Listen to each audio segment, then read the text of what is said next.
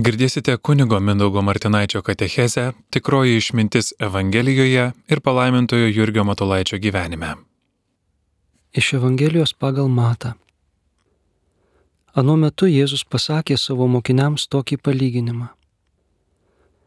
Su dangaus karalyste bus panašiai kaip su dešimtimi mergaičių, kurios pasėmusios žibintus išėjo pasitikti jaunikio.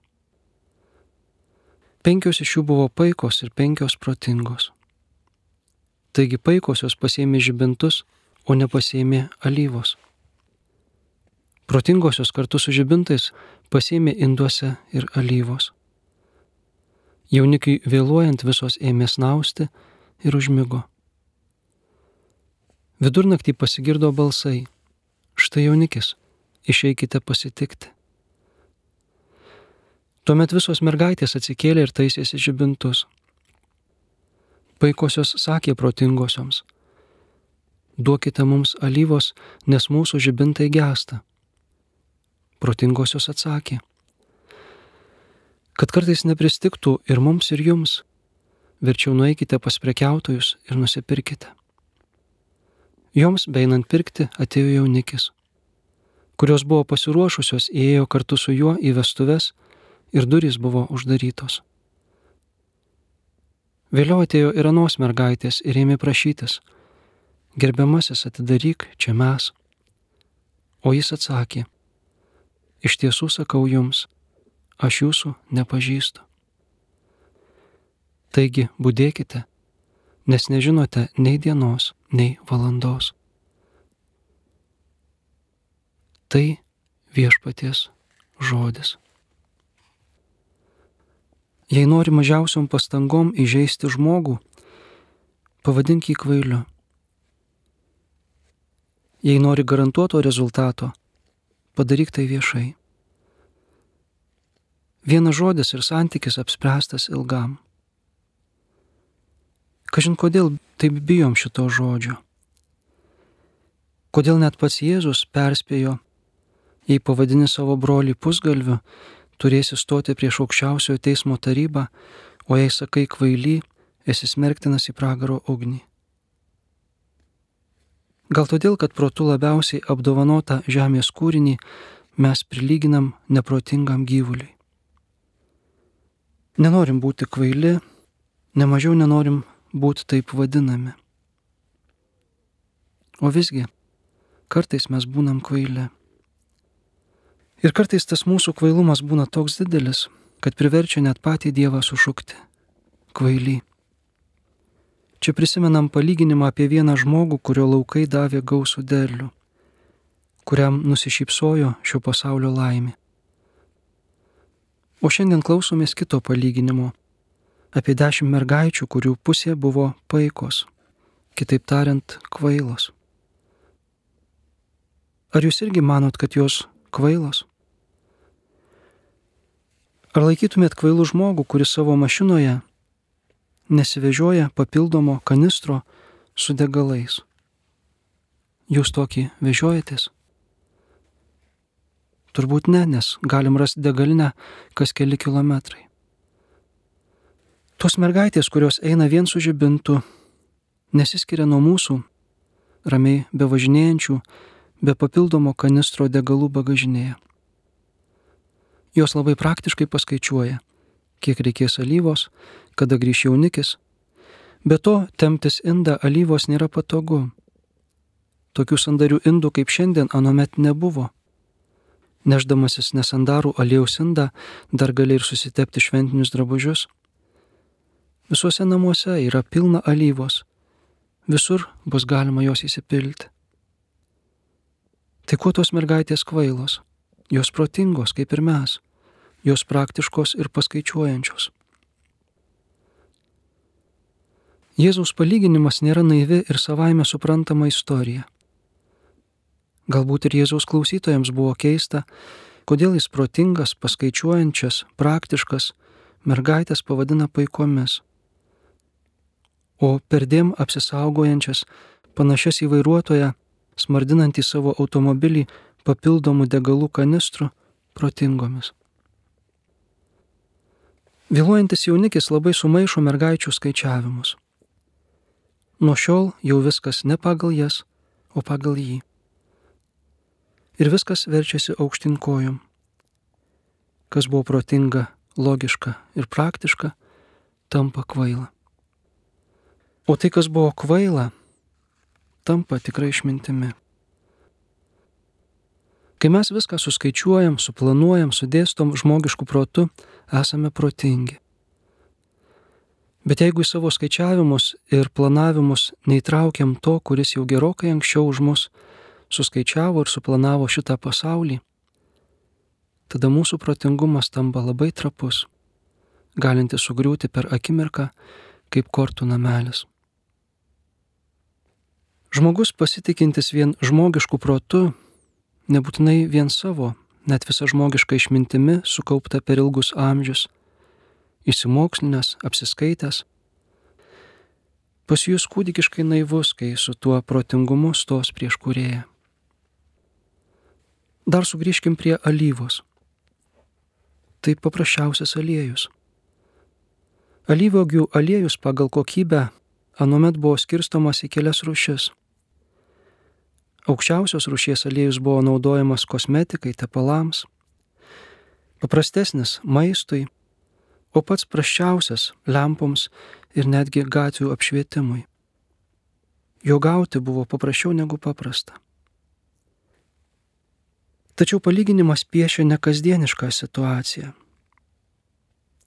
Staiga iškilusias nenumatytas ekstremales aplinkybės. Labai reikia bet nėra kur gauti būtiniausio dalyko, be kurio negali pasitikti jaunikio Kristaus ir įžengti į jo pokylį dangų. Alyva gali būti palyginama su pašvenčiamąją malonę. Aukščiausios rūšės alyva tai neišdildomai mums įspausti Dievo nuosavybės anspaudai - krikštas, sutvirtinimas. Kasdienę maistui skirtoje alyvoje galėtume išvelgti Eucharistijos ir atgailos sakramentus. O toje paprasčiausioje alyvoje skirtoje gatvėms apšviesti matom savo gerumo darbus, maldą, tikėjimo liudyjimą, apie kurį parašyta. Taip te šviečia jūsų šviesa žmonių akivaizdoje, kad jie matydami jūsų gerus darbus šlovintų tėvą esantį danguje. Bet mes gyvename pasaulyje apsupti pasaulio rūpešių. Ir nejučia imam planuoti kaip pasaulio žmonės. Protingai, logiškai. Pirma pasaulio reikalai, pirma materialūs dalykai. Dvasiniai gali palaukti. Paliekam aliejaus indus, jiegi niekur neprapuls, o juos nešiotis nepatogu. Žinau, kur palikau, bet kada galėsiu pasimti. Ir taip diena be maldos, antra, sekmadienis be šventųjų mišių, antras, mėnesis be išpažinties, pora.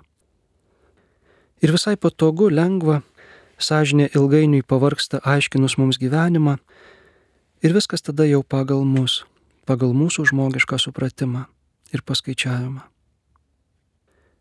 Ir staiga mirtis. Ką darytum, jei reikėtų mirti? Ieškočiau kunigo išpažinčiai, melščiausi, atgailaučiau. O jeigu mirtum staiga, be įspėjimo? Kas yra tikroji išmintis ir tikroji kvailybė, aiškiausiai pasimato kištelėjus nosį anapus mirties. Ką veiksi ketvirtadienį, jei mirsi trečiadienį? Prieš savo mirtį spėjo pagalvoti ir mums tą klausimą palikti filmo sala pagrindinį vaidmenį atlikęs aktorius Mamonovas. Visi ketvirtadienio planai atšaukiami, jeigu miršti trečiadienį. Penktadienio taip pat. Ir visų kitų dienų. Ateities planuotojas jau nebe tu. Nepaisant to, kad ką tik dar trečiadienį buvai puikus savo gyvenimo šeimininkas ir mokėjai jame suktis kaip žuvis vandenį. Tas gyvenimas tau nebepriklauso. O naujajame tavo protingumas ir apsukrumas jau nebeveikia. Apžiūrinėjant prestižinį Kauno Žaliakalnio rajoną, draugas rodo prabangų namą ir sako, čia yra tokio ir tokio žmogaus namas. bet jis jau miręs. Įdomu, pagalvoji, mirusiam priklauso namas. Kažin kokiu būdu jis naudojasi šią nuosavybę. Gal vaidenasi naujiesiems namo gyventojams? Tas momentas, kada mums ima nebepriklausyti viskas, ką šiame pasaulyje turėjome, labiausiai ir parodo, kiek esame turtingi. Ar praradus viską, ką gali atimti mirtis, mums dar kažkas lieka? Tada ir atsiskleidžia, protingai ar kvailai žmogaus gyventa. Turbūt žinote, kad kvailumu šventajame rašte vadinamas netikėjimas. Būtent dėl jo žmogus priima kvailiausius sprendimus, daro didžiausias kvailystės. Kaip anuomet atradus Ameriką, tenykščiai indienai už spalvotus stikliukus atvykėliams atiduodavo auksą, taip netikinti žmogus į praeinančio pasaulio blizgučius, džiaugsmus ir malonumus keičia savo amžinojo gyvenimo laimę. Didesnės kvailystės už šitą nėra. Ir ši netikėjimo kvailystė ištinka ne tik tuos, kurie neigia Dievą ir pomirtinį gyvenimą, bet ir mus, Dievu ir amžinybę tikinčius. Kai užsimirštam, paliekam aliejaus indus ir imam gyventi pasaulio rūpešiais. Aliejaus indus visur besitampančios, apdairiosios mergaitės netrodo nei per daug protingos, nei per daug laimingos. Taip, Laimė yra tas atpažinimo ženklas, ar žmogus eina teisingu keliu. Siunčiame žurnalistą su mikrofonu, žurnalistai nusprendžia, kokia yra tiesa. Ir jis užduos klausimą. Mergaitės, ar jūs esate laimingos? Turbūt su didesniu entuzijazmu ir linksmiau jam atsakys tos nerūpestingos mergaitės. O taip žinoma, mes esam laimingos. Gyvenimas ir yra tas laikas, kai privalai būti laimingas. Tai ir yra šio gyvenimo prasme - būti laimingu. Tokio entuzijazmo turbūt neparodys tos, kurios neša papildomą naštą, stengiasi neišlaistyti alyvos, jaučia, kaip tai jas riboja. Tai kurios teisesnės, kurios labiau gyvena, kurios laimingesnės. Viduramžių riterių romanuose kaip baisiausias dalykas nekarta įvardinamas nuobodus gyvenimas. Todėl reikia veiksmo, nuotikių, įvykių. Ir iš žygių sugrįžęs riteris nekarta prisaigdinamas šventojų raštu, kad nemeluodamas papasakotų apie savo nuotikius, nuo kurių klausytojams užkaista kraujas ir šiaušiasi plaukai. Ne, rūpestingosios mergaitės negalėtų gyvenimo džiaugsmo paliudyti taip tvirtai, kaip anos penkios, neapkraunančios savęs naštomis, įsipareigojimais. O ką jos gali papasakoti? Apie pareigų naštą? Apie pilkos kasdienybės kankinystę? O pasaulis laukia džiaugsmo liudymo, laimės patirties čia ir dabar Ir jaunas žmogus savo bendrakeleiviais greičiau pasirinks tuos, kurie tokį liudymą pasiūlys iš karto. Kaip čia su ta laime, su Jėzaus atnešta gyvenimo apstybė, kuri turėtų verštis ir spinduliuoti iš mūsų 7.24 režimu. Mes geriau suprasime laimę, jei įsivaizduosime ją kaip aukšto kalno viršūnę, o tą interviu su klausimu, ar esi laimingas, vykstant į kalno papėdėje. Kas į šį klausimą atsako nuoširdžiau ir teisingiau? Ar tas, kuris kukliai sako, aš renkuosi šitą kryptį, noriu jos siekti, tos laimės viršūnės. Suprantu, kad tai kainuos daug pastangų ir kol kas negaliu pasigirti, kad jau būčiau tą tikslą pasiekęs, bet esu kelyje į jį. Ar tas, kuris dar neįkopęs, entuziastingai teikia jau turintis laimę savo kišenėje ir esantis pilnai laimingas. Jėzus žino, jo atneštoji laimė nėra taip lengvai pasiekiama, kad su šypsena tinkančia žurnalo viršeliui galėtum užtikrintai pareikšti, aš esu pilnai laimingas. Iki tos laimės dar galiukas kelio. Dar reikės susidėti kryžių ir paėjėt paskui Jėzų jo palaiminimų keliu, kuriame subliūkšta holivudinės šypsenos ir didelis užtikrintumas, kad esi laimingas.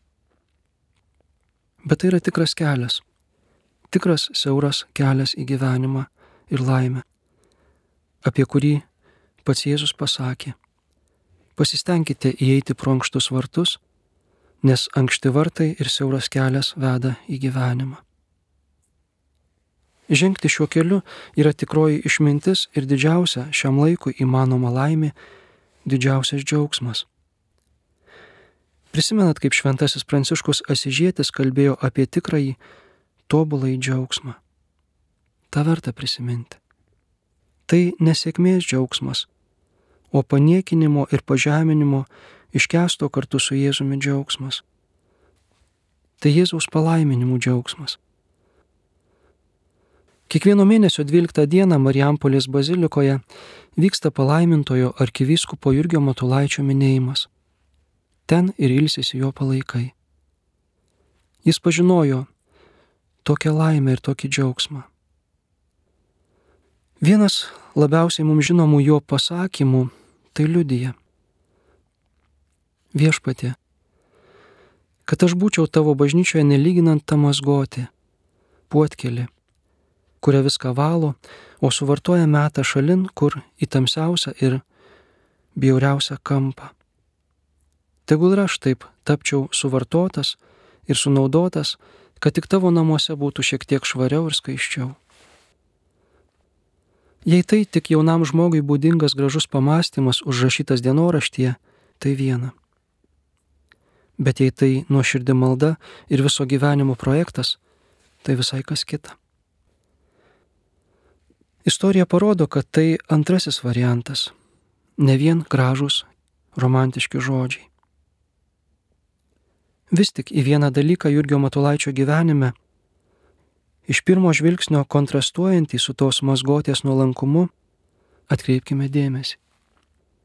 Nors save lygina su mazgotė, bet nepamiršta, kad jis nori būti mazgotė Dievo, ne žmonių rankose. O tai didelis skirtumas, be kurio nekalbėtume apie Matulaitį kaip palaimintąjį ir nemelstume jam pripažinimo šventuoju.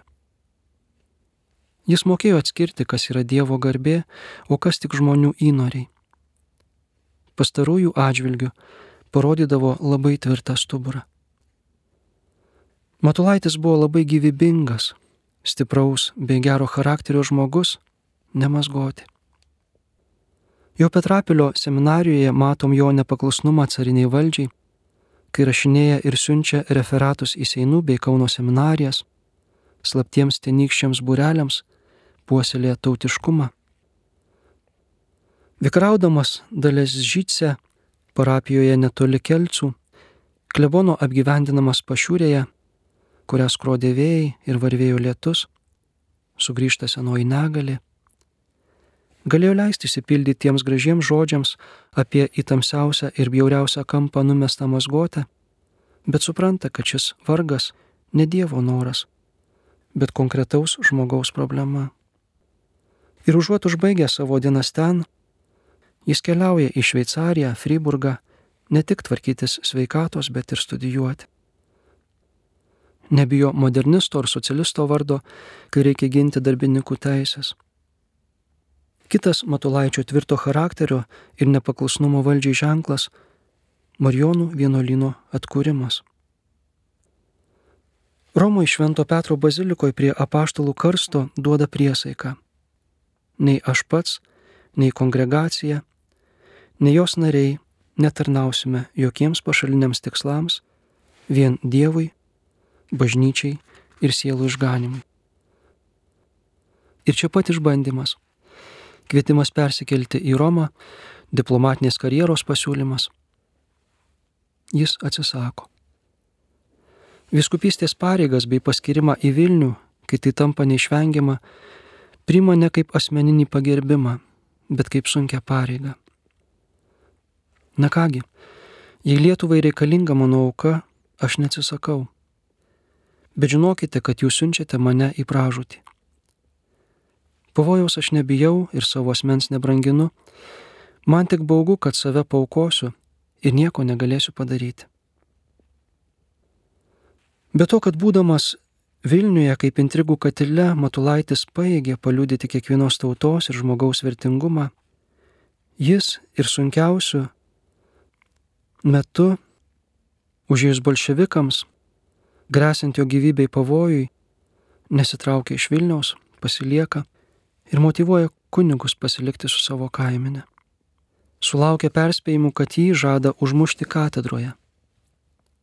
Ką jau bekalbėti apie šmeištus.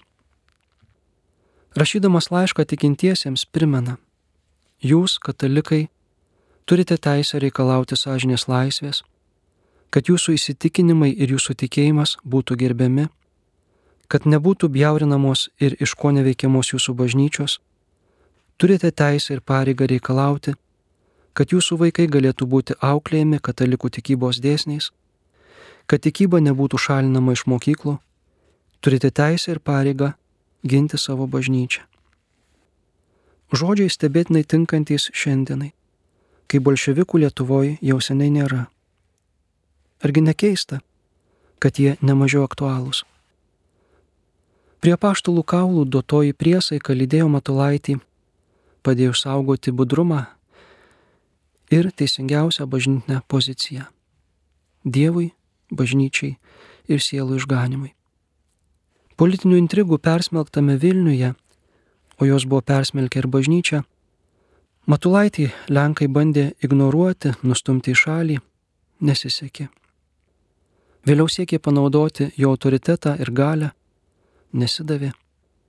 Jo įtaka diplomatams juos erzino, o ryšiai su Lietuvos įgaliotiniais kėlė įtarimų. Jie nesuprato, kam jis tarnauja, kokia jo politika, o jis pats kartodavo. Aš žinau tik vieną politiką. Tai politika katalikų bažnyčios. Tai politika viešpaties Jėzaus. Tos politikos laikydamasis Matulaitis uždaro Rodūnės bažnyčią. Jis neleidžia nesveikam Lenkų nacionalizmui diktuoti bažnyčios politiką. Nenorit laikytis Kristaus dvasios, būsit aptarnaujami kitų parapijų ir pabūsite be savos. Paskui Dievas iškrečia pokštą ir arkivyskupas daugelio nekestas, šmeikštas ar tiesiog ignoruotas tiek Vilniaus krašte, tiek laikinojoje sostiniai, atšauktas iš Vilniaus, grįžta į Lietuvą apaštaliniu administratoriumi. Vyksta Amerikon, lankyti išeivijos lietuvių, aplanko 92 lietuvių bažnyčias. Grįžęs tvarko vienolyjų įstatus, rašo konkordato tarp Lietuvos ir Vatikano projektą.